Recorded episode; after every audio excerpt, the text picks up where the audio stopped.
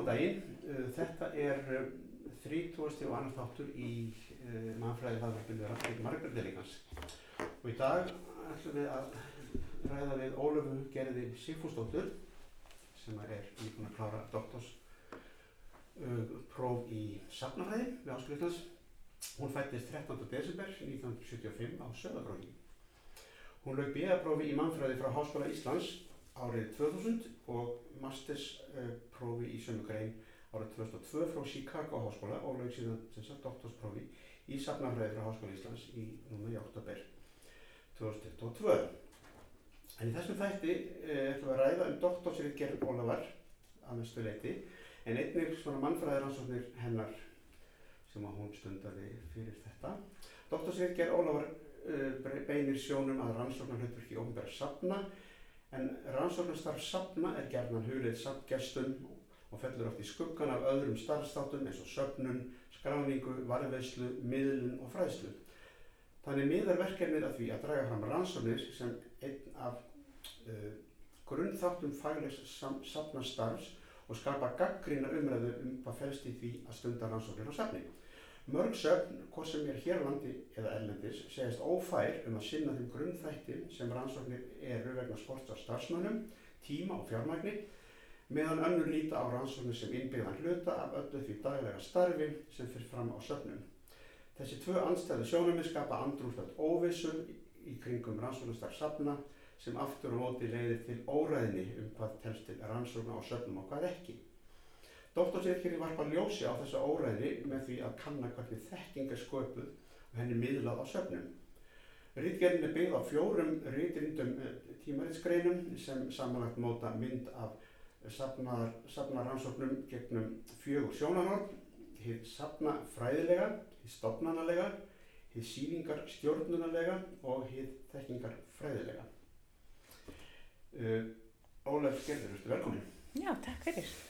Hérna, þú ert, varst að klára sem sagt doktorsvíkir í safnafræði, þú ert mannfræðingur að upplæði, Já, eins og fleiri sem eru í hérna safnafræðinni. Segðu mér hérna, af hverju fórst í mannfræði í upplæði?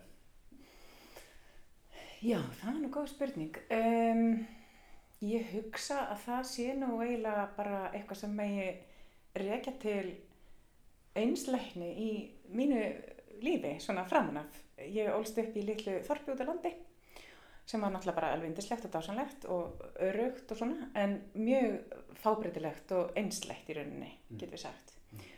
Og ég held að þetta hafi nú, sko ásum því kannski að fættist ég með eitthvað svona forvitni gen, en ég held að þetta hafi haft áhrif að það að ég vildi alltaf leita út fyrir minn einn rann Mm. og var alltaf mjög forvitin um það sem var að gerast annar staðar og það sem var framandi og og uh, svo þegar ég sagt uh, var flutt hingað til Reykjavíkur í mentarskólan í Hamralíð og, og þá svona vikar sjóndeldarhingurinn ennþá meir og, og svo einhvern veginn ég man ekki hvernig ég sko heyrði um mannfræði. Kannski var það einhverju kynningu eða eitthvað slíkt en þegar, mm. ég, bara, þegar ég lærði um hvað mannfræði er eða svona heyrði um það þá vissi ég bara að mér langaði að fara í þetta fag. Og eftir mentarskóla þá tók ég mér hérna hlið og ferðaðist daldið svona út fyrir hinn vestrann heim eða út fyrir Evrópu og fór í langferðalega til, til Asíu og, og e, Norður Afriku með annars og þá svona fann ég ennþá frekar að mér langaði að læra um þá sem eru mjög öðruvís en ég sjálf og hérna, já, ég held að þetta sé svona, svo bara einhvern veginn fór, fór þetta að rúla og ég fann mig alltaf bara rosalega vel í þessu fæi, Mhm. framan af. Segðu mér, þegar þú varst að byrja þá sísla í mannfræði, er náttúrulega bíðan og verður náttúrulega svona staðið, en hvað var það í byrjun eitthvað sérstætt sem það hefði svona áhuga á frekar en annað? Já, einmitt, ég nefnilega í hlut, sem hluta af bíanáminu mínu, þá fór ég í skiptinám, Erasmus skiptinám til Ítalíu og þar kynntist ég rosalega skemmtilegum fögum sem að hérna, uh, stúdara svona hérna skapandi yðju mannfólks og svona skapandi samfélög, eða sem sagt ég vil ekki endilega segja skapandi greinar en hérna listir Mm. og handverk og svona. Og þar fór ég í mann eftir að ég fór í svo æðislegan áfanga í hérna háskólanum þarna í Róm sem að hétt hérna mannfræði tónlistar. Mhm. eða tónlistamannfræði og ég sjálf hafi líka lært tónlist hérna í, í bara mínum uppvexti. Og þar fann ég einhvern veginn að þarna var eitthvað svona svið sem að mér fannst gaman að saman svona listir og félagsvísindarlega Mhm. og hérna hvernig samfélag tjási gegnum skapandi form og, og hérna myndatengsli gegnum uh, tjáningu Mhm. og, og svona þannig að þar hérna kynntist ég þessari mannfræði lista eða tónlistar og, og kom hingað aftur heim og skrifaði björikirina mína um tónlist og ég var stoltið að skapa, nei ég var stoltið að skoða sem sagt hérna þjóðarnis sjálfsmyndir og, og tónlistarformið og ég var að skoða hérna líka bara svona tónlistar hefðir á Íslandi. Og hérna hvernig það uh, átti þátt í að skapa einhvers konar þjóðar sjálfsmynd og, og, og svona. Þannig að það og, ég- og ég man eftir að í lokareikirinn minni þá meira segja spila, ég, ég skilaði einu svona kassetti, svona segulband segulbandi Já, já, með reikirinni þar sem ég var að spila, þar sem ég var að fjallum í textanum.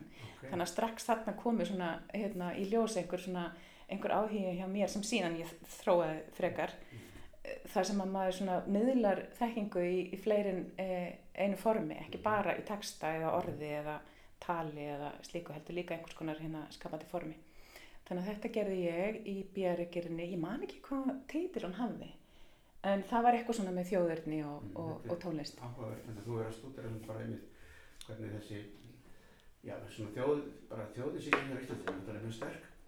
Hvernig hún svona er verður til og er miðlað í Já, já, ég menna tónlist er náttúrulega eitt af því sem að sterkasta svona tæki sem við höfum til að samina á stóran hóp Mhm, sem að geti kallað sér þjóð eða mhm. þjóðurnis hóp eða eitthvað slíkt og söngur og hérna, samkomur og svona þannig að þetta, þetta, er, þetta er mjög stert tæki til þess að skapa samkend eða hérna, hvernig fólk getur liðið sem það tilheyri sama hópi sko. Já, þannig að við við náttúrulega alls konar alls konar hérna gera eins og bara þjóðlög og Já. kóra, kallakóra algjörlega. Og, og ýmislegt í þindur Já, það er svolítið áhugavert við þetta sko þetta, ég var akkurat að koma tíma sem voru að tala um þjóðnis mikið og mm að, að hérna kórarnir sko, kallakórarnir já, náttúrulega, skafæði já, ég er, er alveg hálfur í skafæði sko. ok, mikið af mögnuðum kórum þar kalla, kallakórum og Aldeilis. alltaf sungið í réttum og svona og, og mikið sungið já, og hérna og hérna að kallakórin er eins og sem að hlættan og og bara svo fjallkórin er fluttur inn sko. Mhm, frá Danmörku þetta ég uppröða mhm, eins og fjallkórin er fluttur frá Þískalandi mhm, þannig að það er, svona, það er líka svona skemmtilegt samt við þess að þjóðarnis hyggju og hugmyndir hvað þetta er mikið la, la, mikið þykja láni og, og svona fiksjónum líka sko. Já, ég meina listform ferðast svo auðvitað Mm, milli mm. hérna heilda og milli bara svæða og, og uh, tónlist uh, hérna eitthvað sem er ekki endilega bu- bundið í tungumál hérna Mm. getur einmitt svo færst svo auðvitað Mm. yfir og, og flætt á milli og, og, og breyst í meðförunum og, og, Mm. og svona þannig að hérna, gremsulast tungumál. Já, akkurat. Segðu mér þessi kassett, það er svona góð já, hvað, hvað, hvernig músík var á, henni? Veistu, ég mann jú, jú, jú, byttina við.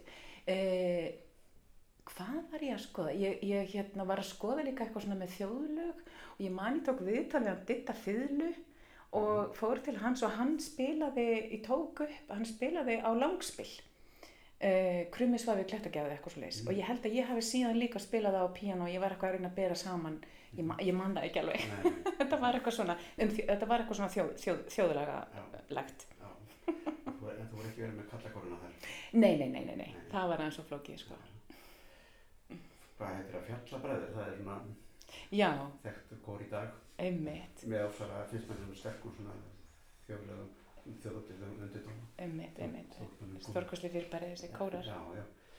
þannig að þetta var sem sagt björikirinn já, og hérna svo skilst mér að þú hafi nú farið á soldið aðra slóðir í Mastersríkirinni já, einmitt. Uh, sko, svolítið aðra slóður en samt alltaf að skoða hérna svona einhvers konar tjáningu í eh, listrænum formi. Mm.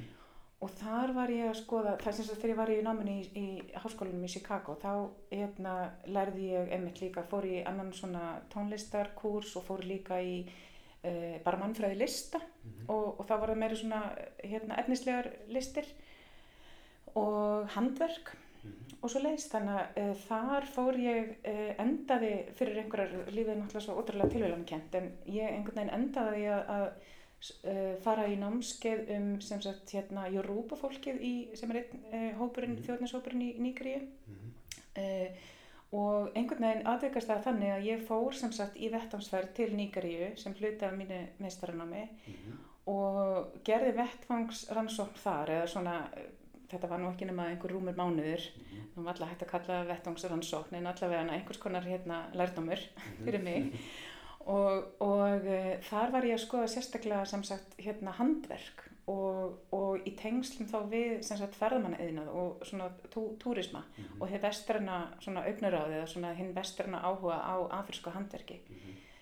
Og það er náttúrulega hérna löng saga um það og mjög nátengt nýlendu tímabilinu og, Mm. og alveg eins og rétt bara eins og mannfræðinu sjálf hérna, Já. ná, nátengt nýlendu hérna, nákvæmlega og söfn líka. Já, já. þetta er allt tengt einhvern veginn þarna og þetta er náttúrulega mjög vandræðakend fög bæði mannfræðin og safnafræðin líka þess vegna sko.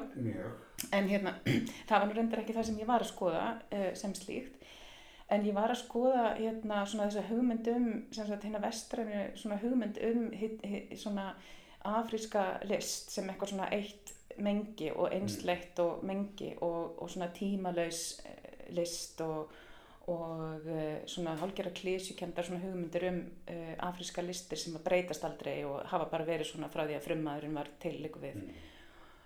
En það sem að ég var sko sérstaklega, mér langaði að leita einhvers konar nýjum formum sem sagt uh, á svona handverksmörkuðum og ferðamannamörkuðum þannig að ég var að leita sérstaklega eftir nýjum byrtingamyndum og tjáningaformum uh, hérna, af, uh, uh, frá, frá handverksfólki.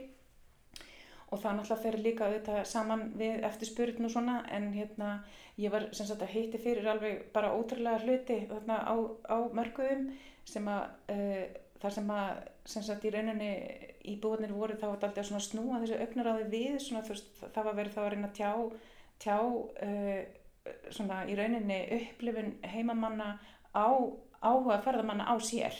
Í gegnum alls konar svona, ó, svona það sem við myndum kalla svona kannski ómerkilegt handverk. Það var kannski bara svona tálg, hérna, restin af tálgun uh, á spýtum uh, sem var kannski límt saman með lími en ekki þetta klassíska hérna, svona primitivismi hérna, list, listformi sem er náttúrulega uh, það sem er uh, vinsalast. Mhm.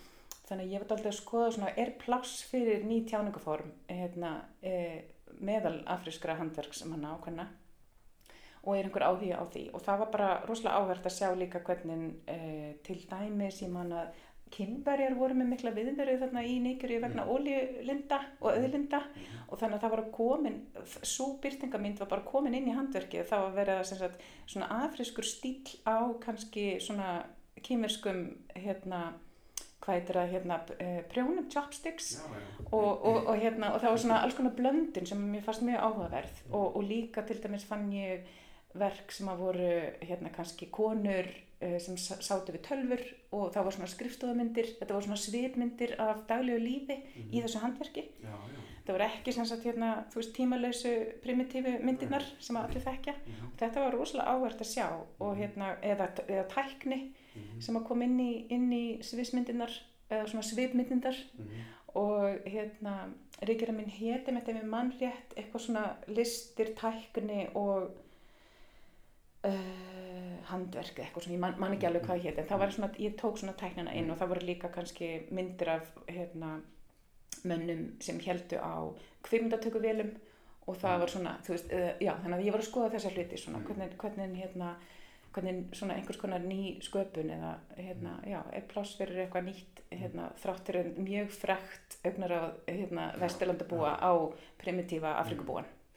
Þetta var, en þetta var vantilega ekki þetta sem að þessir örubúar eða vestrænur vildi kaupa. Nei, þetta var óvinsalasta hérna, það sem var á mörgunum sko, ég spurði með þetta um það en reyndar komst ég að því sko, þetta var nú ekki alveg kannski rétt að landið að vera í til þess að hérna, stúdera þetta því að Nígeria er ekki mikið túristaland Mhm. sem það er aðalega fólk sem er þá að st- að starfar í einhverjum business eða fyrirtækjum eða einhverjum yðnaði Mhm. en svona hinn al- hinn almenni túrist er meira kannski í Östur-Afriku eða Suður-Afriku eða eitthvað svo leiðist þannig að hérna, ég var kannski ekki alveg með rétta svona hérna plattformið í þetta en, en samt, ég fekk samt alveg rosalega áhugaverð verða verðgögn og hérna var þarna í, í einhvers, einhvers konar mánuð.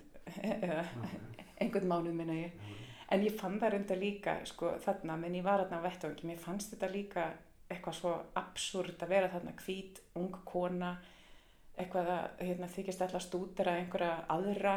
Sem ég vissi vola lítið um, ég var mjög illa undirbúin og fáfróð Mm. og ég kunni ekki droslega mikið að vera á vettvangi, en náttúrulega læri maður það náttúrulega bara með því að vera á vettvangi. Já, já. Við lærum auðvitað aðferðafræðina hérna í háskólanum Mhm. um hérna, okkar þáttöku aðtuganir og viðtalstækni og Mm. hvernig maður horfir í kringu sig og allt þetta og tekur niður nótur og svona.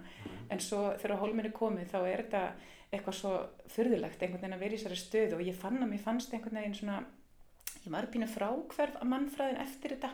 Já. Mér fannst þetta eitthvað svo hérna, bara fáranlega staða einhvern veginn að vera að setja sig í og hver er ég að skoða þú veist, þetta. Mhm. Þannig að ég fjarlæðist aðeins mannfræðin eftir þetta og hérna og endur skoða svona aðeins minn hug til hennar Já. og mannfræðin er náttúrulega sjálf alltaf í einhvers konar naflaskoðun En, endalaust sko. endalausur í naflaskoðun Meina, og ég vandraði, vandraði með þetta Já, já. þessa aðferðafræði sko Já.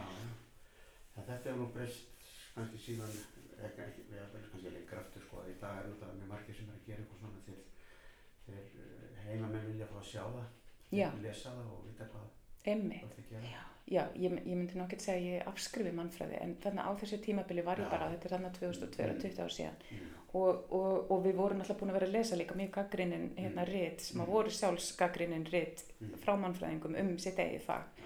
og þetta einhvern veginn blandaðist svona í mér að mér fannst þetta bara vera algjör vitlis að vera gera þetta svona en það er náttúrulega hægt að stunda mannfræðum eins og fara eitthvað til Afríku Já, já, já, já. eins og þú þekkir nú sjálfur það er hægt að stunda mannfræði heima hjá sér. Ég er enda fór nú líka til. Já. Mín er með starf. Já.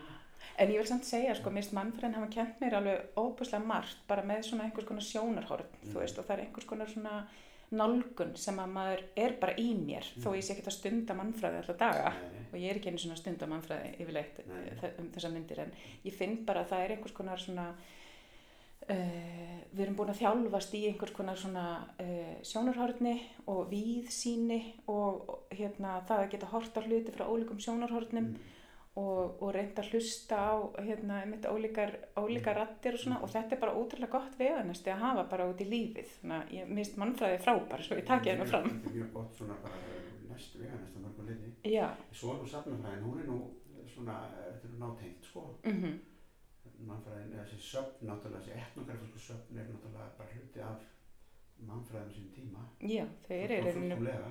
þau eru bara afsprengi Já, já. hérna náttúrulega nýlendu stefnu og Mm, já. hérna imperialisma og allt þetta Mm. sem mannfræðin er líka Já, já. og svo náttúrulega fara allir þessi mannfræðingar hérna á vettvang og sapna einhverju dóti og, og, Mhm. og, og gripum Og þekkingu bara. Já, fyrir utan það, en all, all, all, allir hlutinni verða enda einhver staðar og þá verða til þessi söfn sem oft eru í upphafi einmitt háskólasöfn eða sem sagt einhvers konar deildir í háskólum Mm. eða undirstofnanir háskóla og þannig eru bara ein mestu söfnin í dag hafa þau orðið til. Já, já, Og- bæði Breitlandi og Já. Fraklandi bandaríkina þetta, þetta eru sko þetta voru þetta tengdist, tengdist algjörlega sko þessari þessu hérna, samflótti mannfræðinga og nýlandstjóra Mm um allan trissurum Og nú eru náttúrulega söfn bara í mikilli endurskoðun með þetta og í miklum vandræði með hvað að gera við þá gripi sem að hafa verið teknir Mhm. með einhvers konar vafasumum hætti eða flestir flestir einmitt ólöglegum eða vafasumum eða bara algjörlega hérna, það má segja það algjörlega, það er bara þannig og núna er bara mjög margt í gangi þar á Mm. því sviði sem er ofsalega áhugavert Já. sem að ég hef reyndar sjálf ekkert verið að stúdra ég er bara svona aðeins en Guðrún Dröfn hérna í, í, í safnafræðinni hefur daldið verið að skoða þetta og, og, og, eh, og þetta er bara mjög áhugaverð umræða sem að væri gaman að hérna, fylgjast eh, betur með. Já, ég hérna kannski setjum við samband við hana Já, við mælum með því. Þetta, já, þetta er, þetta er búið að vera svolítið í umræðinu og ég er hérna svona ótafstunni komið með hérna smá það er frétt í einhver blaðstöndin ég er, er safnunni þýfi þannig grein. Já, byggt á þessu öllu saman hérna Við ætlum að ekki að fara alveg til þetta en þetta. já, En þetta er búið að vera náttúrulega sko, að, að, að, að sko söfn sko hinga og þangað um heim sko eru farin að krefjast þess að fá þetta tilbaka. Mm fá þess að muni og ég bara eitthvað líkamslegar eitthvað fólki sem að ég vita hverjir eru. Þannig að þetta, er- þetta er flókin saga og þetta er svona erfið saga. Og það, Já, og og bara algjörlega nátegnd bara valda, ójöfnum Já, valdatengslum og yfirgangi Já, já. og, og, og, og pólitík og allt það, þetta. já, já, og þessu og bara þessu þessari, þessari hérna, hugafæri um það að sko, við getum ekki verið láta þá fá þetta, þeir geta ekki passað upp á þetta. Já, Það mjög, og þegar við líkum handritin. já, þetta er mjög forræðishyggjuleg Já, já, umræða, sko. Þetta, þetta er alveg heilt viðtal bara. Já, Ha. ég mælu með að taka viðtal við Guðrunu um já. þetta. En þetta er áhægilegt, þetta er Mm. náttúrulega, sko, eins og sagðist, þá fengið svona fjarlæst mannfæraðin svolítið út af, út af þessu, þessi nýgerju ferð, sko, fengið eitthvað svona óþæ, óþægindi út af þessum hérna, Bara aðferðunum. Ja, og sögunni bara. Já, algjörlega. En ég samt vann alveg með þetta, þú veist, Já. eftir ég kom heim, Mm. hérna, ég ætla að gera þess að bettum satið núna 2002 og útskrifst síðan uh, síðar það ár frá Chicago Háskóla með mestaragráðuna og síðan eftir ég kom, hérna, síðan bjóði reyndar á Ítalíu einhvern tíma eftir það, en síðan þegar ég var flutt hingað til Íslands þá fór ég og starfaði í Reykjavíkur Akademíinni Mm. sem var svona, er, og, og er Mm. samfélag sjálfsagt starfandi fræðimanna og þar fannst mér mjög gaman að geta beitt svona hérna mínum lærdómi að svona þróa en áfram og Mm. yfirfærtandaldi á Ísland og, Mm. og það sem ég gerði þá fyrst var að ég hérna var í fæðingarólofi á þessum tíma, þetta var 2004-05 og ég var svo mikið alltaf að ganga um hverfið með barnavagn og, og sá í gluggum hérna fólks mikið af svona afrískum styttu Mm. sem að kannski voru keftir í IKEA eða Jóni Indi að fara í kringlunni eða í Afríku, ég vissi það ekkert. Mm. Þannig að ég var að hugsa, já hvað er nú þetta hérna, uh, að vera að sk- skreita heimilið sitt svona með einhverjum primitivisma. Þannig að ég hérna, sendi út kall eftir gripum og, og fekk lánaði alveg bara fjöldan af gripum og, og sett upp síningu í Gerðbergi í Breiðolti. Þannig að ég held að það hafi verið 2006 eða eitthvað svolítið, 5 eða 6, 6 sannlega.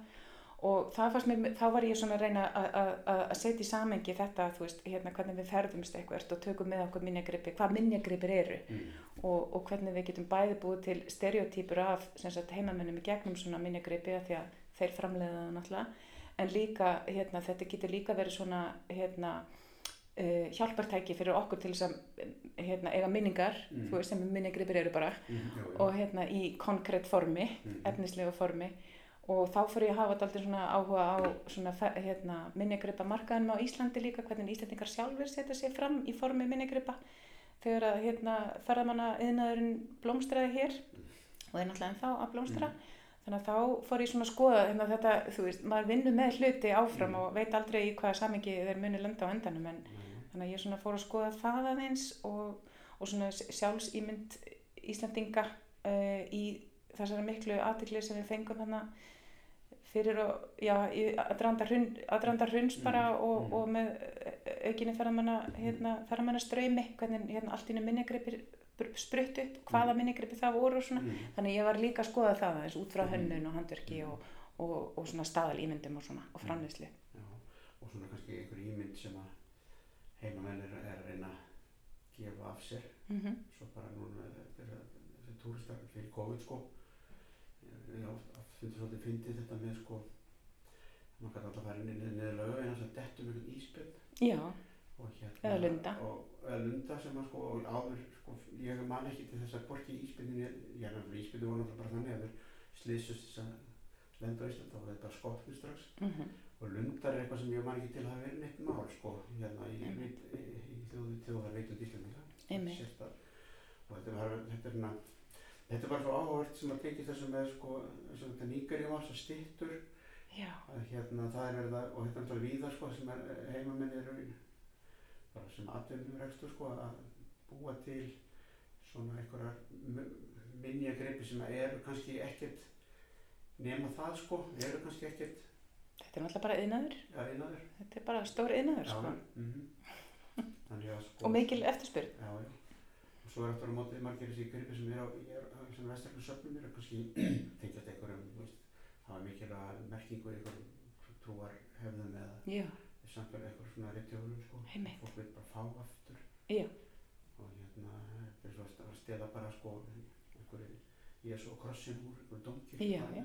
já, já, einmitt. Þetta er, þetta er skemmtilegt og þetta er hérna og skemmtilegt hérna þannig að þú hefur dótt alveg svona svolítið inn í þetta bara að að, að hérna svona túlskilja og túlka sem sagt allar þessar höfum í gegnum einhverjum hluti Já, gripi, já, einmitt. svona efnismenningu Já, einmitt, efnismenningin kom Mm. þarna einmitt, þetta líka dálítið svona sterk inn í, Mm. inn í fæið og ég uppgötaði einhvern veginn það að mér fannst gott að stúdera eitthvað konkrétt Mm. ég meina mannfræðin náttúrulega rannsakar tengsl millir fólks og, og, og tengsla net mikið og, og hegðun og svona og, og sem er kannski eitthvað sem er ekki í efnislegu formi Mm. en ég man bara, mér fannst mjög hressandi og svona hérna gott að geta hengt hérna uh, hengt uh, kenningar og hugmyndafræði og svona yfir á gripi Mm. og ég fekk bara rosalega áhuga á því Það var svona haldbært. Já, ég er kannski bara einhvern veginn, mér vantaði bara einhver svona, einhverja smá, eitthvað smá akkeri, svona. Eitthvað smá jársamband. Já, eitthvað smá jæspandi, einmitt, einmitt, einmitt. Já, já. Hérna, og síðan hefur nú verið að hérna í, á þessari braut, ég meina í sambandi við, þú ert búin að vera mikið að, að, að vinna við og pæla í svona bara svona listkopun, söfnum og svona hvernig það tengist sem sagt og alls konar svona, náttúrulega þetta er rannsóknir sko í, í dóttasýrginni, Mhm. alls konar svona þekkingafræði og hugmyndafræði sem tengist þessum, þessari hérna, þessu samlífi sem sagt lista og safna og svona. Einmitt. Sko, ég mætti kannski segja að ég, hérna, ég byrjaði að vinna í listaháskólanum uh, langt síðan, alveg bara 2007, þá byrjaði ég að vinna þar og þá, og það, ég vil nefna það því að það er alltaf svona, hérna, kveikin að dóttorsverkefninu mínu kemur alltaf þaðan Mm. og úr öllu þessu líka sem við erum búin að vera að tala um en, en hérna, þar kynntist ég nefnilega bara ótrúlega áhugaverri svona þróun í svona rannsóknar pólitík Mm. og hérna uh, í kringum svona upp úr 2000 í Evrópu að þá er að reyða sér til rúms svona einhvers konar eða það er svona formfesta sig að festa sig í sessi einhvers konar nýtt svona rannsóknarform sem að er þá tengt listaháskólum og og uh, er kallað listrannsóknir á íslensku eða, og kallast artistic research á ennsku eða practice-based research. Og, og þetta er mjög svona eldfimt mál og, hérna, og hristit aldrei upp í svona hérna, vísinda stigveldinu sem við höfum erft Mm. uh, og varðar svona uh, réttmæti þekkingar og, og réttmæti um, hvað ég var að segja sem sagt, uh, hvað er áræðilega þekking og í hvaða formi á hún að vera sett fram og með hvaða aðförðum á hún að, á, á, hún að, á að skapa hana og, og svona. Hvað sem er þekkingafræðileg styrveldi svona. Já, og, og þarna er, sagt, er að koma fram þetta form sem að lítur að því að, að starfsmenn listaháskóla eða doktorsnemar í listaháskóla eru að stundaransóknir í gegnum sína listsköpun og, og það gefur auðvitað að það er öðruvísi nálgun heldur en við til dæmis hérna höfum lært í okkar bóklega mannfræðinámi Mhm, eða mhm. hvaða öðru sviði sem er Mhm. alveg saman af því að öll önnur fög eru svona bók, hérna, bókleg Mhm. þar að segja við, við um, miðlum okkur þekkingu í texta eða orði Mhm. Og það er bara ákveð kerfi sem að, hérna, svona gæða kerfi kringum það sem er jafningi mat og, og það eru hérna útgáfur og, og, og svo er einhvers konar punktakerfi sem að metur þetta og alls konar. Mhm. en í, þegar, þegar við erum komið með list rannsóknir að þá er hérna, þekkingunni sem að skapast í rannsóknarferðinu miðlaði tvenns konar formi yfirleitt. Og þá er það annars vegar listaverk og hins vegar einhvers konar hérna, orðuræða sem að Mm. yfirleitt er þá í texta eða jafnvel bara í vídeo eða, Mm. eða orðuræðu Mhm. einhvers konar, en yfirleitt í texta en te vægi textans er miklu minna heldur en verksins Mhm. og þetta er bara ótrúlega áhugavert hérna, og, og uh, hérna, við komum til umhugsunar um bara, veist hérna, hvernig hugsa við um bara rannsóknir yfirleitt Mm. og, og þekkingasköpun Mhm. og þekkingaframleyslu í Mhm. okkar hérna, kannski vestrann samfélagi og í mannfræðinu þá er líka alveg uh, umræða um, sem sagt, um það sem að kemur fram ákveðin gaggrínu á bara, bara rannsóknar hegðun eða svona rannsóknar hugtaki, það er líka vestrænt hérna, og, og, og imperialist vísindahyggju. Vi, já, einmitt, og, og ekki bara hugtak, heldur líka bara yðja hérna, og hegðun. Þannig að það sem að hérna, réttmætið er ákvarðað á ákveðnum uh, hópi Mhm. og svo er hérna önnur, ön, annars konar þekkingasköpun sem er jafnvel hérna, stundið í frumbyggja hópum eða, eða með allt annars konar aðferðum sem að jafnvel eru, eru bundin við líkamlega þekkingu Mhm. og, og hérna uh, handverk eða bara, já, sem sagt í, í bundið í annars konar form en er enga síður alveg jafn mikilvæg þekking Já, mannfræði hefur nú svona svolítið verið í þessu að, að það að, hérna að, að afla þekkingar í gegnum bara það að gera eitthvað Nákvæmlega. með, með sem sagt, því fólki sem það er að vinna með já, og hérna og, og, hérna sama, eitthvað sem myndi flokkast við, flokkast að vera bara eitthvað svona mjög banal Já. aðfæri svo eitthvað eld einmitt, eða hvað sem er. Já, Hérna, eða bara hann- syngja saman eða eitthvað. Syngja saman en mannfæðan hefur svona svolítið komist út úr þessari Já, og önnur fögur er náttúrulega líka búin að vera að gera það eins og bara posthumanismi eða, og ákveðna greina svona feminisma eða svo líka á, mjög spennandi innan heimsbyggilegar hugsunar þá er eitthvað sem að kalla, kallast líkamleg uh, fyrir ekki, hvað kallast það? Hérna,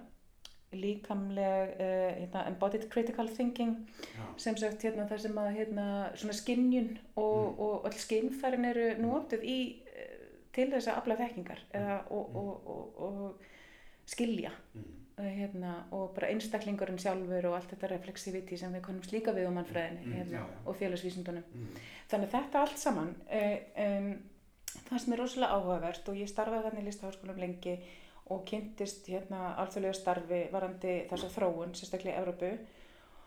Og, uh, og síðan bara fór ég að hugsa með mér býtunum við uh, hvað með söfn í þessu samhengi? Mm. hérna, að því að söfn eru rannsóknarstofnanir en þau eru daldið að hamast við að vera svona, svona hefðbundnar rannsóknarstofnanir hérna, bara eins og háskólar eru. Mm, Söfn er ekkit rosalega mikið að stíga út úr því mengi með því að kannski leita í þetta listrásunarform eða, eða hinna greinana sem við vorum að tala um núna þar sem að einmitt starfsfólk á söfnum er að vinna með að handfjalla hluti, mm, vinna með snertingu Mm. og jafnvel lykt og, Mm. og sjón og form Mm. og hérna efnislega. Mm, og rými náttúrulega, ég tala ekki um eins og bara síningagerð er náttúrulega vinnu bara einmitt með það sem að rýmið spila rosalega mikinn þátt í því uh, þeirri þekkingu sem hún setur fram hefur áhrif á hana og hvernig fólk upplifir hana. Mm, lýsing og hérna hljóð og allt þetta sem við finnum ekki þegar við lesum grein í tímariti þannig að ég svona hugsaði með mér byrju þarna er eitthvað rosalega spennandi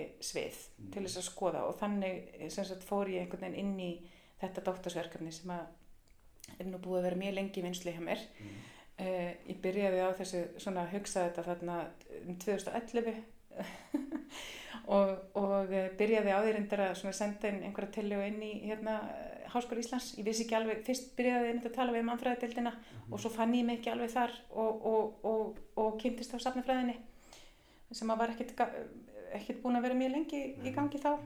Og hérna um, þannig að þar fann ég einhvern farveg og uh, held áfram að vinna í listaháskólum samtímis. Var mest allan tíman á þessu ferli að vinna þar og uh, var alltaf svona aðeins að nærast á uh, því sem ég var að læra í starfinu mínu en, uh, og var að reyna einhvern veginn að finna farveg líka í, í náminu.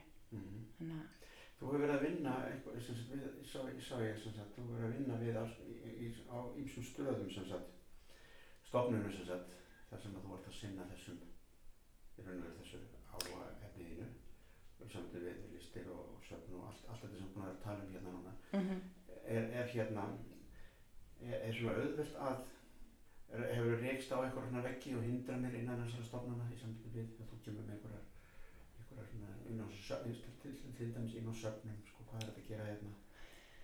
Um, já, það er náttúrulega, þú veist, allir eru með einhverjar hefðir, sko, Mm. en ég, ég, þannig kannski fyrst og fremst sem ég fann líka bara vekki kannski hérna innan hús í Mm. Háskóla Íslands, af því að ég vildi til dæmis leggja fram síningu sem að ég stýrði, sem sagt síningastýrði, Mm -hmm. sem hluta af hérna bara át, sem sagt afrakstrunum mínum, sem sagt í doktorsverkefninu. En það auðvitað, var auðvitað ekki hægt af því að, af því að Háskóli Íslands kendi á þeim tíma allavega ekki síningagerð. Núna reyndar, hérna, er ég held ég eitthvað í bóði hvað það varðar en þó ekki til doktorsprófs. En þannig að, þú veist, ég, hérna, ég til þess að fá það svona sem hluta mínu verkefni að þá þurfti ég að reflektara á það í texta sem var reyndar mjög lærtumsvíkt Mhm. og, og bara dýfkaði þá reynslu og, og þekkinguna sem að ég öðlaðist í gegnum það. En já, ég meina auðvitað eru söfn hérna, söfn eru uh, mjög sko uh, ef ég kannski bara útskýra aðeins líka Mhm. bara hvað ég gerði í dóttursverkefninu. Endilega, já, að hérna ég gerði sem sagt uh, könnun hérna meðal íslenskra safna, sem sagt viðurkendra safna sem eru þá ofinberlega skilgrend sem söfn. Reyndar að undanskildum höfðusöfnunum þremur af því þau tilheyra annari lögjöf en ég var sérstaklega að skoða hérna, þessi viðurkendur söfn sem eru 46 talsins. Mjög mörg, mjög mörg. og ég lagði fyrir þau könnun sem sagt um þeirra rannsókna virkni eða svona þeirra rannsókna starf og, uh, og nálgunum þeirra til rannsókna. Og ég er svona, mér langaði að vita hvernig íslensk söfn bara vinna með þennan starfsþátt og eins og þú sagðir í inganginum að þá uh, er þetta ein- ein af starfskildum safna, ekki bara á Íslandi heldur bara allstaðar, þar sem að söfn eru teljast hérna óbumbur söfn, þetta er bara í alþjóðlegum síðareglum og öll söfn uh, eiga að sinna þessu, þessari, semst, að þau að sapna hlutum og þau að skráseta hluti, varveita hluti, uh, rannsaka þá og uh, miðla þeim og fræða um þá. En þessi rannsókna þáttur þarna, hann er alltaf aldrei uh, flókin og, og bara kannski lendir yfirleitt síðast í forgangsröðuninni og það var ekkert bara við um íslensku söfn. Það, er, það kom alveg fram í mínu verkefni í öllum þeim litteratúr sem ég var að skoða að þetta er bara vandraða starfstátur og lendir yfirleitt í aftast í forgangsröðuninni út af fjármagni og út af tíma og svona og, og, og starfsmönnum en eins og ég var að reyna að varpa ljósa á í minni rítgerð að það er ekki bara þessar praktísku vandamál sem hérna, eru hamlandi fyrir rannsóna þáttinn heldur einni og kannski bara fremur uh, þessi hugmyndafræðilegi þáttur þar að segja hvað eru rannsóknir á safni Mm. uh, hérna, það er bara mjög óljóst uh, bæði hér á landi og mjög víða jafnvel, maður, jafnvel í bara stórum stöndum söfnum um, til dæmis í Breitlandi eins og ég hef verið mikið í, í samtali við Tate listasafni í London sem er frábært safn og með mikla rannsóna virkni og rannsóna starfsemi en samt sem áður eru þar vandræði varandi þennan starfstátt hann, það, um, það er alls ekkert gefið að hann hérna flæði svona eh, ljúft í gegn og uh, það er ekki ljóst fyrir starfsmennum endilega eða stjórnundum hérna hvernig fólk er að stunda rannsókn og hvernig ekki að, í starfsmannaliðinu.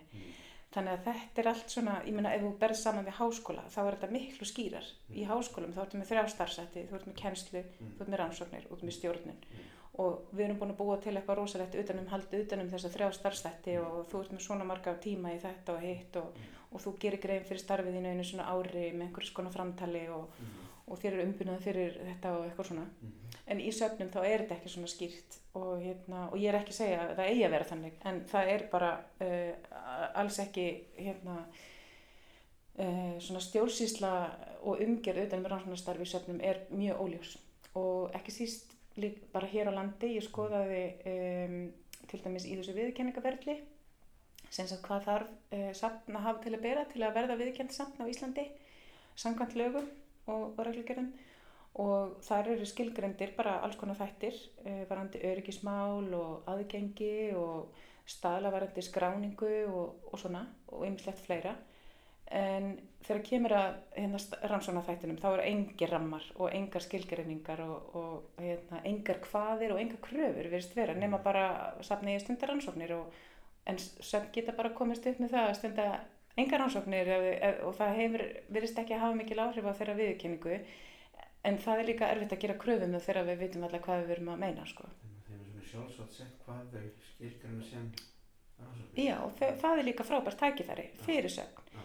til þess að taka þá þess, þessa umræðu og, hérna, og, og ræða þetta og e, árið 2014 þá gerði ég þessa konun í fyrsta sinn að, fyr, hérna, að frumkvæði safnaráðs Mhm. sem þá vildi einmitt skoða sérstaklega þennan rannsónaþátt sem var í ólistri og er raunar enn uh, og það var hérna haldið málþing og voru haldið þingnir erlendir aðlar til að ræða málið en, en svo bara er þetta ekki, hérna nær þetta ekki hérna inn í forgámsviðununa, það er Mhm. bara allt annað sem að þarf að vera í lægið þetta en, en uh, ég vona að hlutinir verði þannig að það væri hægt að beina kastljósinu meira að þessum þætti því þannig eru bara grí, gríðaleg hérna, tækifæri fyrir svefn uh, og bara stjórnendur safna til þess að virkja sitt starffólk til þess að stunda rannsóknir á sapnkostinum eða jafnvel ein, einhverjum viðfangsefnum sem að þurfa ekkert endilega að vera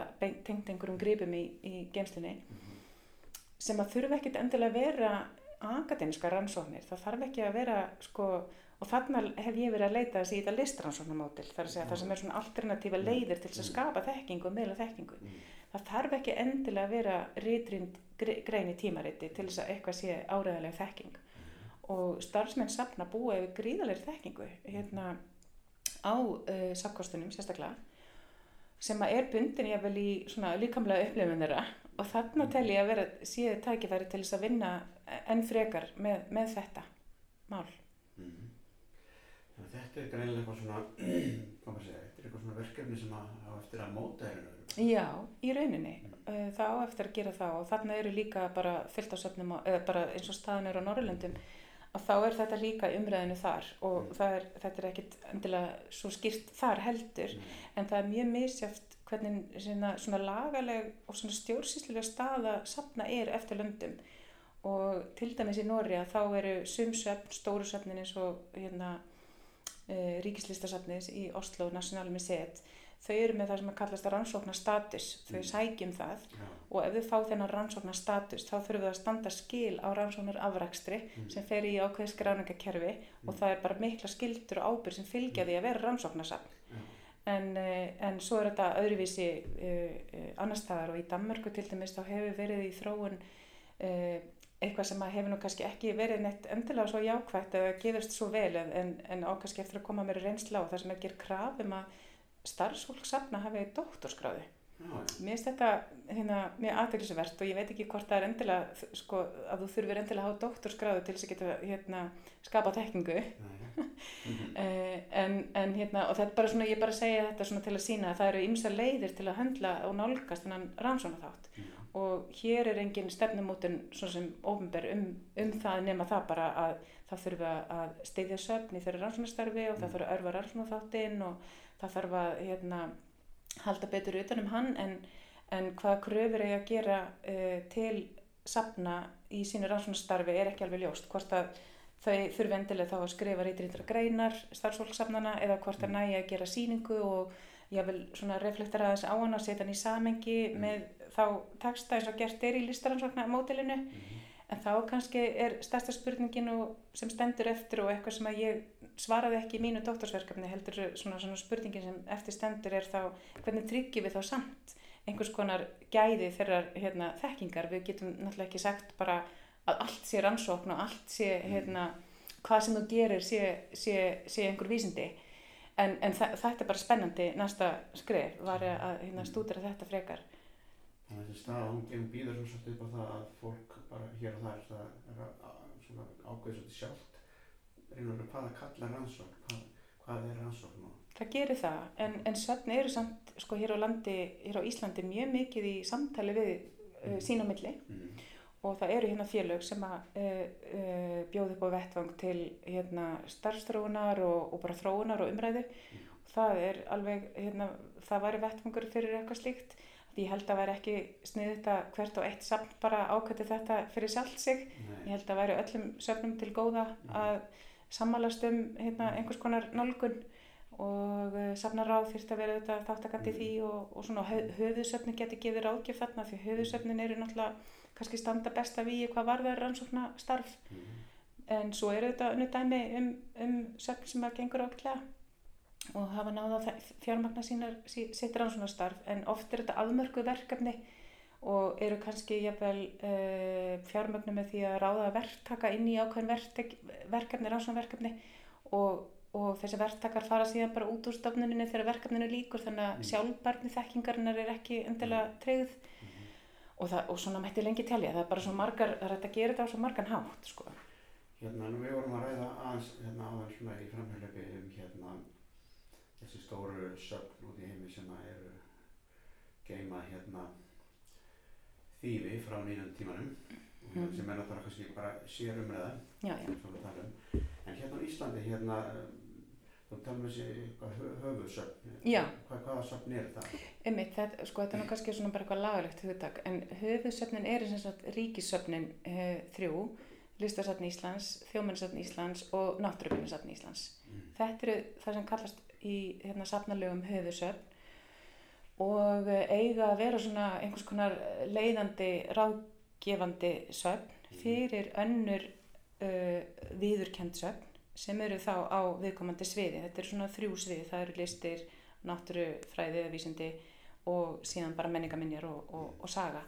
Þannig að hérna og uh, viðurkend safn á, kannski viðurkend listasafn getur þá leita til listasafn Íslands varðandi ráðgefum um í smál Mm. eða byggðasafn út á landi, lítið byggðasafn út á landi getur leita til þjóðminnarsafnsins og síðan þá náttúruminnarsafn til náttúruminnarsafns Íslands. Þú nefndir einhverja háa tölu á þann í samt eitthvað um fjölda safna Mhm. á Íslandi. Mm Þetta er náttúrulega alls konar söfnið ekki? Jú, um allt þetta er bara alls konar söfn út um all land Já. og mikið af þessu, flest söfn eru á Íslandi eru menningaminnarsöfn og Mhm. þá er þetta byggðasöfnin út á landi og, Mhm. og yfirleitt Mhm. og hérna uh, og síðan eru listasöfn stærst, annar stærsti flokkurinn Mhm. og svo eru náttúrulega bara uh, ekki mörg náttúruminnarsöfn á Íslandi, það er náttúrulega náttúruminnarsöfn Ísland sem er nú algjör sorgarsaga hvernig hefur alltaf verið einhvern veginn út undan í, í, í fjármála áallun Mhm.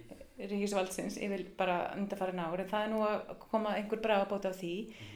Og, eh, og svo er hérna náttúrufræðist og kópavus líka þannig að það er nú ekki mörg söfn á því sviði en, en, en hérna og flest söfn eru í eigu sveitafélag Mhm. þannig að þetta eru ofnbyrjar stofnanir Mhm. og, uh, og það eru sveitafélagin uh, sem að eru oft með sína fulltrúa þá í stjórnum þessara safna sem eru þá oft pólitíski fulltrúar Mhm. og þetta hefur líka verið vandamál uh, varðandi bara skilning uh, hérna eigendana, uh, stjórnendana eða sem sagt meðlema þá í stjórnum Mhm. fórstöðmenn eru alltaf, alltaf hæfir og alltaf hæft fólk uh, þeir sem að stýra söfnunum, það er alltaf ráðin uh, með hæ, hæfismati Mhm. en það er þessar stjórnir og eigendur sem eru þá fjármaks hérna, aðlarnir líka sem að uh, er stöðugt vandamál hvernig að upplýsa um bara og fræða um ábyrð og skildur safna gagvart menningararfinum og náttúruarfinum Já. þannig að þetta er svona annað vandamál Þessi styrtir ástæða til vandræða.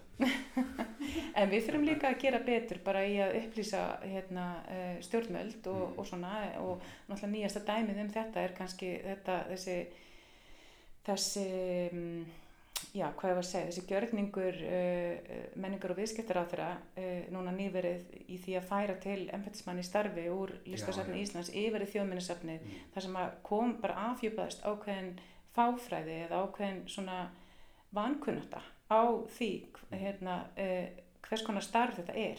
Þetta er ekki embættismannastarf, þetta er ekki stjórnsýslistarf, þetta auðvitað er þetta stjórninastarf Mhm.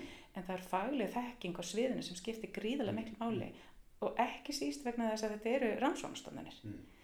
og ég er ekki að segja að forstöðumæður eigi að vera að rannsaka eh, hluti en forstöðumæður þarf að geta verið eh, sem sagt að móta rannsóknastefnu og móta sín fyrir þá rannsóknastefnu viðkomandi saps eða viðkomandi, ég vil bara máluflokks og hann er að safna á viðkomandi viðurkenndra að safna á því sviði þannig að þetta, þetta afhjúpaðist bara daldi þarna Mhm. og ég held að þetta sé bara yfirleitt daldi er þetta staðan að uh, víða, ekki allstaðar auðvitað, en hérna víða er þetta þannig og menningararfi verður oft svona bara einhvern veginn útundan og oft er eins og hérna stjórnum, svona kannski stjórnmálamönnum finnist þetta vera bara einhverja geimslur utan um gripi. Eitthvað svona sta- statussymbol jafnvel bara. Já. Þetta hafa svona safnina. Já, en það kostar að, og það þarf að gera þetta samkvæmt faglegum Mm. viðmiðum og, og, og söfnin vita það alveg Mm. og, og starfsfólki veit það alveg Mm. en það hérna, þarf að tryggja þetta með nógu miklu starfsliði og oft er þetta einmenningssöfn jafnvel eða Mhm. kannski tveir starfsmenn í safni og mjög erfitt að halda úti hérna, faglegu starfi á öllum þessum póstum Mhm. og þá sérstaklega rannsóknum. Það er bara ekki hægt. Nei. En hvernig er með mörg þessi, komið sér, svona þessi smærri söfn bara út á landi í, í svona þorpum hér og þar. Hérna, er, hvernig er aðsókn að þessum söfnum? Er, nú er náttúrulega, allir þessi túristar búin að vera þverjast um landið Já, og hérna með smá er, hefa þeir á þessu? Er þeir að skoða þessu? já, já. Ég, ég held að það sé nú alveg tölfræðilega sínt fram á það að flestir gestir safna eru erlendi ferðamenn Mm. og e, það er bara e, óbúslega mikilvægt að kynna okkar menningarar og náttúrar fyrir gestum Mm. en auðvitað er það ekkit síður mikilvægt að kynna það fyrir okkur sjálfum Mm. og hérna auðvitað er, er öflugt fræslistarf og, og, og miðlunastarf í söfnum líka til nærsamfélagsins og, Mhm. og til uh, yngri kynnslóða og bara til nærsamfélagsins, Mhm. íbúa og, og svona en, en þarna er auðvitað alltaf spurningum bólmagn og, og, hérna, Mhm. og starfsem, hérna, bólmagn til þess að halda úti starfsemi sem að dregur að fólk en söfn eru mjög meðvituð um þetta um tengsl sín við samfélagið Mhm. og hérna eru ég held að flestir sé- séu með þetta bara efst að bauði sko í, í sínum starfsáallunum en þetta er auðvitað text mismunandi vel til og, og mismunandi margir starfsmenn sem að geta sínt þessu Mm. mm.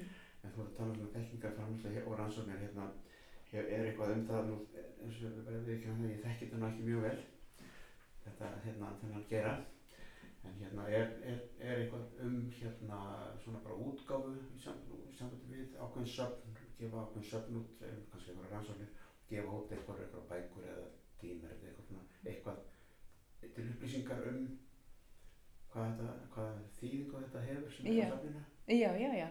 það er alveg hérna náttúrulega stærri söfnin eh, hafa fjármagn og bólmagn til þess að Mm. gefa út síningarskrár Mm. þær geta verið einfaldar eða þær geta líka verið bara uh, innihaldið fræðilegar greinar og kablaskrif Mhm.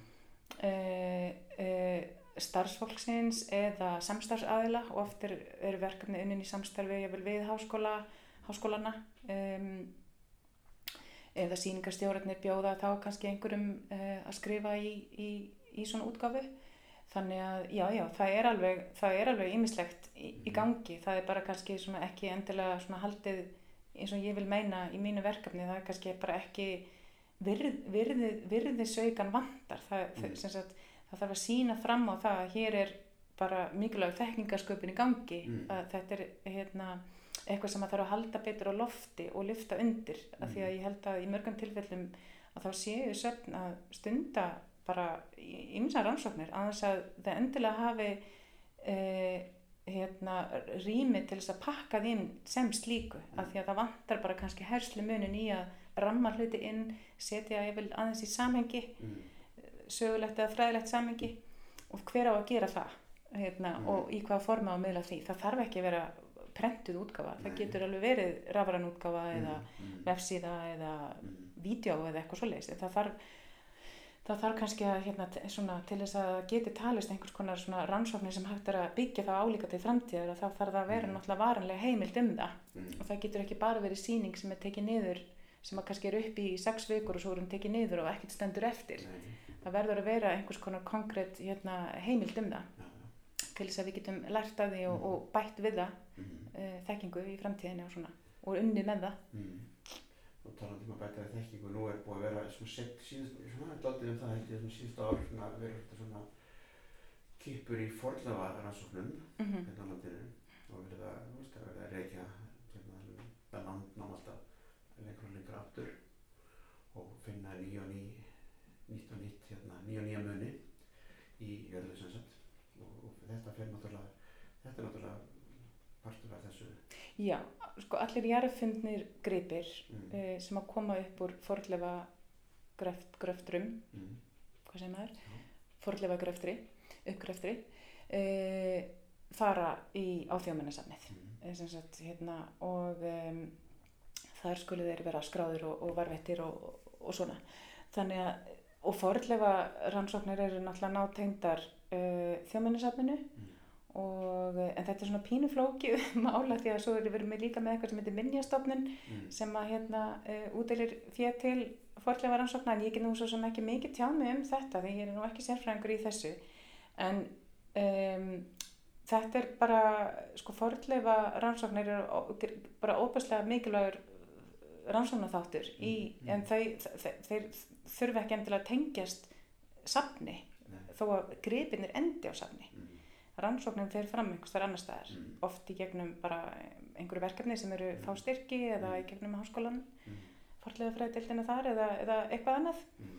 þannig að oft er líka hérna söfn hafa oft verið hérna kannski svona einhver svona endastöðu einhvers konar svona geimsla fyrir efnislega gripi sem að e, e, er einhvers konar aðurð úr rannsóknum e, fræðimanna Mm. Og, en, en rannsóknastarfið sjálft er kannski ekkert tengt safninu Nei. þannig að gripinni bara enda þar Já. oft er það þannig, ég er ekki að segja þessi alltaf þannig en það er oft svona í þessum litteratúr sem ég var að kynna mér að þá var það hérna, einmitt einn svona gaggrínis röddin sem kom þar að, að til þess að styrkja svefn sem rannsóknarstofnunir þá uh, þurfum við að hætta að sem sagt uh, hafa sagt, hætta að, að láta eins og svefn sé bara svona varvislu rými fyrir þekkingu sem er sköpuð einhverstar annar staðar Mm. eða framleita einhverstar annar staðar. Og, og, hérna, og svo er það bara til sínis þar eða inn í geimslu eða hvað sem það er.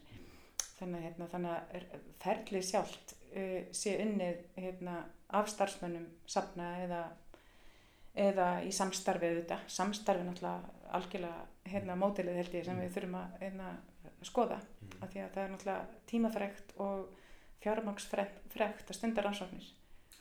Og það, þetta tekur tíma og, og hérna, þetta er hæg vinna og, og mannabla frek og svona.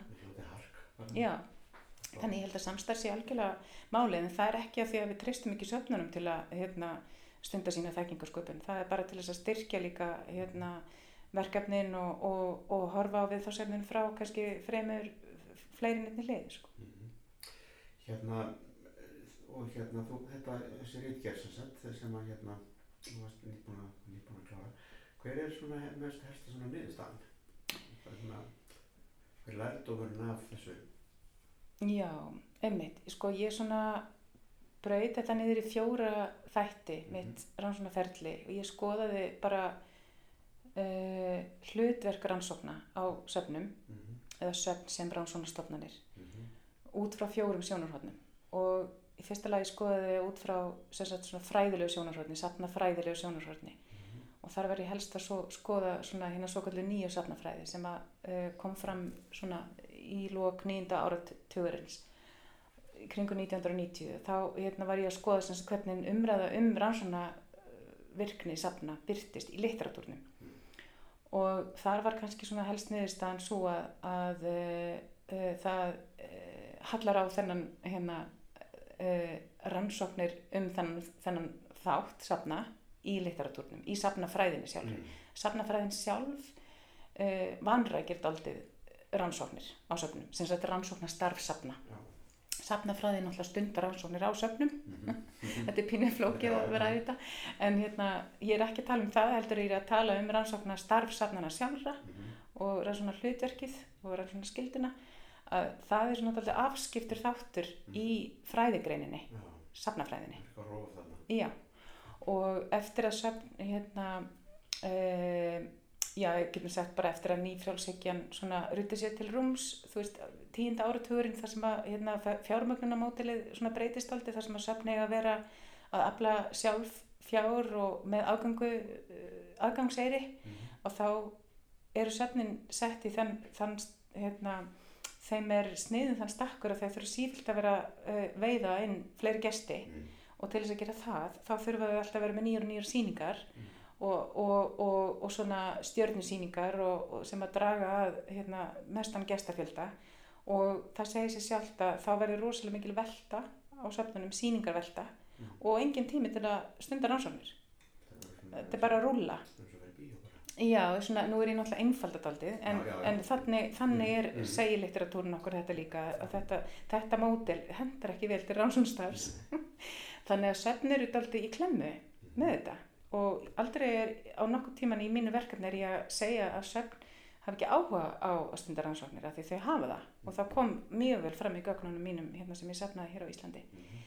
og þetta bara einhvern veginn fer illa saman Og þetta kannski bara hangir líka bara kannski á, á, á hérna, skorta á fjármagnum. Já, það gerir það sko. Mm. En líka þessari hugmyndafræðilegu ringulreið sem að ég vil meina ríki varandi þess að hann rannsóna það. Þessi óræðinni þarna óræðinni. Já, einmitt, það sem að hlutir eru bara óljósir hvað það þýðir. Mm. En allavega, þetta var sérst fyrsta sjónarhóttnið og þetta var svona daldið niður staðan og safnafræðin fræðin vannrækið daldið þennan þátt menn hún hefur mikinn áhuga á síningagerð, Mhm. mikinn áhuga á siðferðslu sjónarhóttni á starfsafna sem er alveg afar mikilvægt Mhm. að að- að hafa út frá öllu þessu sem við erum búin að tala um um nýlendu söguna Mhm. og, og tengsli samfélagið og Mhm. hvernig söfn hérna, eru svona einhvers konar byrtingamind og setja fram hérna, minnihlutahópa eða ekki Mhm. og hvernig hérna, fjölbreyti leiki samfélagsins byrtist í safnastarfi. Safnastarf getur oft verið einslegt miða við raunveruleikan. Mhm. En allavega þetta er svona, hérna, að, þetta var svona niðurstaðan úr þessum fyrsta þætti, síðan skoðaði ég út frá þessu öðru sjónarhörni, það var stofnanalega sjónarhörnið og þá uh, var ég sem sagt að binda, gerði svona tilvísaransókn hérna á Íslandi, uh, hinn hitt fyrsta sjónarhörni safnarfræðilega var bara fræðilegt og alþjóðlegt, Mhm. núna í þessari, í þessu öðru sjónarhörni þá var ég einbindað mér að stöðinni hér á Íslandi og framkvæmdi þessa könnun tvisvar, 2014 og svo 2020 sapnaði gögnum um rannsókna virkni og rannsókna starf umfang rannsókna á þessum viðkjöndu söfnum. Og þar komi ljós að um, skulum segja að uh, komi ljós að þetta er ekki forgangsatriði uh, og kom náttúrulega ekkert á óvart af því það er bara alveg í samræmi við stöðuna erlendis, svona alla jafna. Síðan kom líka í ljós að það var á reiki svona í spurðisöfnin eru þið með rannsóna stefnu og uh, ef já, hvar byrtist hún? Og hvar getið séð hana og oft var svari við spurningunni já, við erum með rannsóna stefnu en síðan var erfitt að vísa á hvar hún væri og þarna er strax svona bara kemur þessi óræðinni fram, þú veist hvað áttu við með rannsóna stefnu og auðvitað eru söfnin með stefnu um að stunda rannsóknir af því það, þau eiga að gera það, það er bara skilda eins og þau eiga að skrá og sapna og, og, og miðla og fræða. Þau eru kannski með stefnu um það að þau skuli stunda rannsóknir. En það er ekki rannsóknarstefna. Hérna, það var engin útværsla, útværsla að finna því hvaða rannsóknir vil sapnið stunda. Vil það stunda rannsóknir á einn sapkosti, vil, vil það hérna, stunda rannsóknir á tengslum sínum við samfélagi sitt, vil það stunda rannsóknir á uh, gestahópunum sínum, vill að stunda rannsóknir á uh, stafrænum miðlun og sko það er bara hægt að rannsaka náttúrulega hvað sem er líka við á söfnum og fer alveg eftir í hvað, á hvað svið og starfar. Þannig að þetta var svona, þarna var pottubrótin víða, ekki allstaður auðvitað en þetta var svona yfirleitt. Og síðan um, var, hvað ég segja, já, um, rannsóknunum var yfirleitt miðlað, ég spurði á hvað formi er það miðlað og yfirleitt var það í síningaformi eða einhvers konar síningarskrárformi en mjög sjaldan voru skrifaðar fræðilega greinar, það var held í eitt dæmi um það eða eitthvað svo leis og e, síðan spurði ég um bara alls konar spurningar um fjármagn og skipulag og, og hver stundar rannsókninar og oftast var það jável einhver aðkeft þjónusta, það er einhvers konar verktaka formi mm -hmm.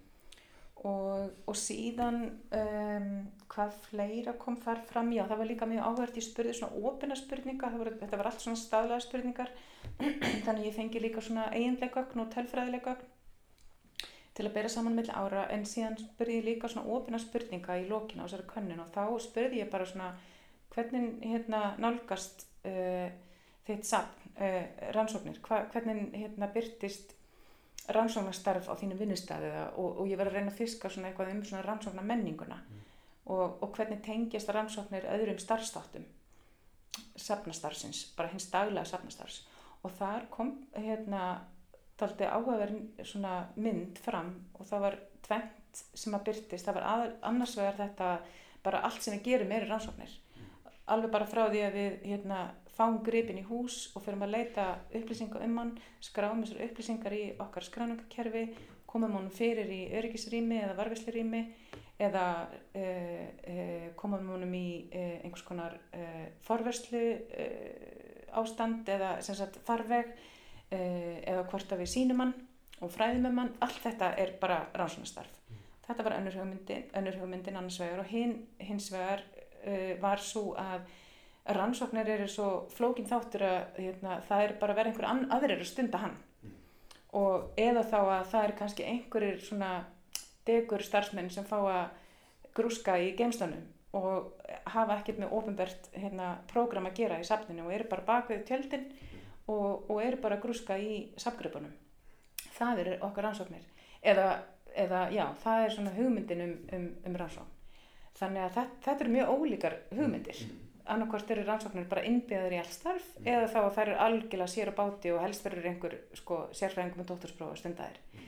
Þannig að þetta var bara mjög áhugaverð hérna niðurstaða og, og ekkert heldur í ósamræmi við orðaðina sem að ég lesi í litteratúrnum. Mhm. Þannig að hérna, það, það var áhugavert. Síðan í þriðulegi þá skoðaði ég sjónarhaldnið, skoðaði ég uh, rannsóknar hlutverki út frá síningagerð og hvernig síningagerð, eða síningastjórnun, sem, sem heitir það bara curatorial practice á ennsku, hvernig, hvernig hægt er að stunda rannsóknir í gegnum þá aðferð. Ég var bara að skoða síningastjórnun sem já. síningastjórn sem rannsóknaraðferð og ég gerði það með svona tilviks rannsókn með því að skoða mína eigin síningastjórnun. ég skoðaði þess að síningu sem ég hafi sett upp í Hafnaborg árið 2011 uh, með listamennum, þetta var semst á listasafni. Og ég bauði til samstars við mig uh, hópi á listamennum til þess að vinna með mér í alveg tæft ár uh, að ákveðnu verkefni. Og þar sem að við vorum að skoða bara hugmyndina um safn sem þekkingastofnun eða rannsóknarstofnun. Mm.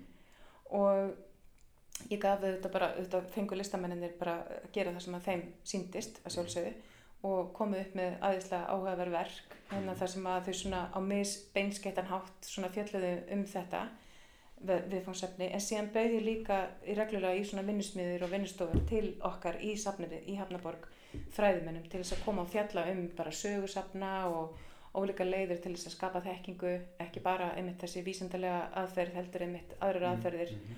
og það var óbúslega áhugavert ferli og lærdómsríkt fyrir mig þannig ég svona skrifaði þriðu greinina mína um þessa reynslu Mhm. og þetta ferli og í fjórðalega þá skoðaði ég svona uh, það sem ég kallaði því þekkingafræðilega sjónarhorn uh, þar sem að ég reyndi að búa til einhvers konar svona flokkunarkerfi sem er kannski pínum gamallars hugmynd að vera að gera en, en svolítið í anda safna Mhm. uh, að þá reyndi ég að skoða bara svona í- gegnum litteratúrin uh, safnafræðilegan litteratúr sem sagt hv- hvaða hvers konar rannsóknir eru stundar á söfnum og af hvaða tægi eru þær.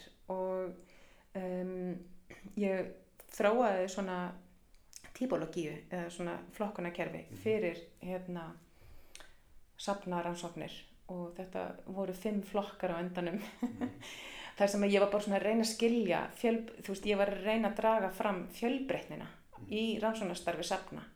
Og ég var að reyna að markmiði með þessu var að sína fram á til þess að stunda rannsóknir þá þarf ekki að uh, beita endilega einhverju vísandalegri aðferðafræði og gefa út greinir í drindu tímariti. Heldur getur þú gert það á, og það er verið að gera það á, hérna, á, á, afar fjölbreyttan hátt.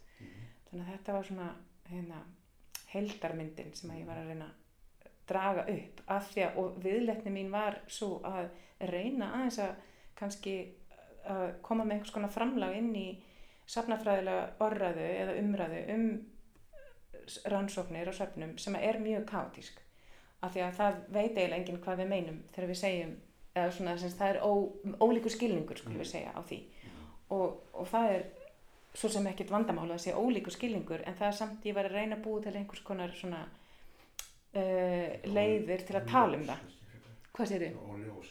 Já, óljós og ég var bara svona að reyna að segja hei, hérna það er hægt að gera þetta svona er, hérna þetta mótel og hérna þetta mótel og þetta dró ég bara upp úr literatúrnum sem að ég var búin að vera að stúdira frá þarna henni, þessari svo kallu nýju safnafræði til dagsins í dag Hérna, hefur þetta verið gert áður, svona útætt? Nei, Nei. þessi típología hefur ekki, ég held að þetta hafi verið svona kannski mikilvægasta framlagi mitt í mínu doktorsverkefni, það var þetta framlag, þessi grein Mhm. og hérna eh, ekki mér vitandi sko, hérna hefur það verið gert og eh, það verður bara gaman að sjá hvort að hérna, þetta hjálpi söfnum eitthvað eða.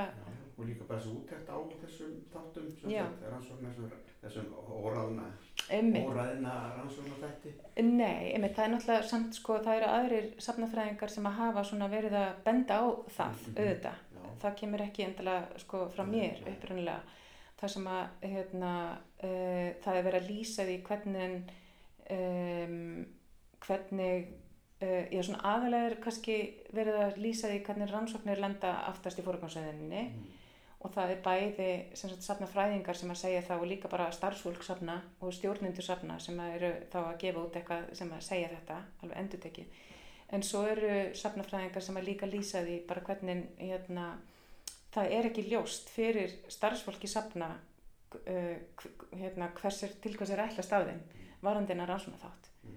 og starfsfólk sjálft kannski er ekki vist eh, hvort að starfið þeirra uh, hvort að stjórnendur líti þeirra starf uh, þeim augum að það sé þá rannsónastarfið eða eitthvað annað Mm. þannig að þessi óræðinni er bara víða og hún kom bara svo stert fram líka í þessum Mm. tilvíksaransókn sem ég gerði hér á landi Þetta er áhugavert. Segðu mér, hvað gerir hérna nýjútskrifaður doktor í safnafræði með þessa, með þessa rannsókn hérna, sem, hérna, sem ávöxt? Hérna, hvað, hvað er svo næst? Hvað gerir doktor í safnafræði eftir þetta? það er náttúrulega bara mjög góð spurning eh, ég sko það væri náttúrulega bara eh, óbúslega gaman að geta styrt uh, svona samtalið við safna vettvangin frekar. Ég hef verið að leggja mig fram um að tengja mig vettvanginum betur af því ég náttúrulega er ekki starfsmæður saps. Ég hef aldrei verið launþegi á safni þó ég hef unnið með söfnum í alls konar verkefnum og ég veit ekki alveg hvernig það er að vinna á safni. Þannig að hérna, mér langar til að vinna betur með söfnum og gera svona kannski meira eitthvað svona græsótastarfi eða svona svona konar bottom up hérna, vinnu uh, á þessu sviði. Mhm. og ég finn alveg fyrir mm, miklum áhuga safna á að hérna, styrkja þannig þátt og vilja. Bara áhuga og vilja. Þó að kannski hérna, bólmagni sé ekki endur til staðar. Þannig að ég, ég finn fyrir því. Mhm. og um, ég hef verið að svona beita mig fyrir því að vinna kannski í svona félagsamtökum og svona er núna í, hérna, í stjórn Íslandsdeildar ICOM sem er sem sagt alþjóður að sapna sem að eru alheimsamtök en eru með svona landsdeildir og hérna í landsdeildin, Íslandsdeildin eru með sitt félag og við höfum verið að vinna þar í stjórninni uh, og ég hef svona verið að tengja með vettvanginum Mhm. en uh, það er ekkert svona döfinni uh, hvað þetta varðar nema bara að halda áfram því samtali og, og, og uh, stekka inn í verkefni sem að geta komið upp. Það væri náttúrulega óskandi að hérna, geta unnið uh, frekar í þessu og þá líka í alþjóða svona samhengi, Mhm. ekki einangra bara okkur hér á Íslandi og, og söfna á Íslandi eru bara yfirleitt líka bara heilmiklu alþjóðlegu samtali Mhm. og samstarfi við no- söfn á Norrlundum þannig að það Mhm. er bara mikil tækifæri þar og já, ég bara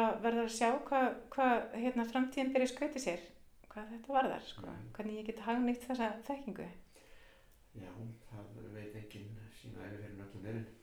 En hérna, svona í lokin, hérna, í öllu þess, allir þessari vegferð, hérna, þetta er heilmikil, þetta er lögleið, hefur ekki svona, mannfræðin svona verið eitthvað hérna að þvælast líka með í, með í, hérna, ferðalæninu. Jú, allan tíman sko, hún er búin að vera alltaf að banka eins upp á Mm. og ég sæki bara, ég sæki alveg í literatúrin þar Mm. og hérna, ég er ekkert búin að yfirgefa hana alveg sko, Eða Þó hún- ég sé ekki- þig. eða hún megi, þó ég sé náttúrulega, ég er náttúrulega ekki að beita þeim aðferðin beint sko, ég er náttúrulega ekki eða Nei. þáttöku aðtögun eða þannig en, en hérna, en hún, hérna, það er eitthvað svona, einhver hegðun að, sko sjá- hlutina. að horfa í kringu sig, kringum sig einmitt, og og taka eftir Já. því sem er í kringum hann sko, og svona, já, gefa svona kannski hlutum séns. akkurat. Heyrðu hérna, Ólaf, þetta var mjög skemmtilegt.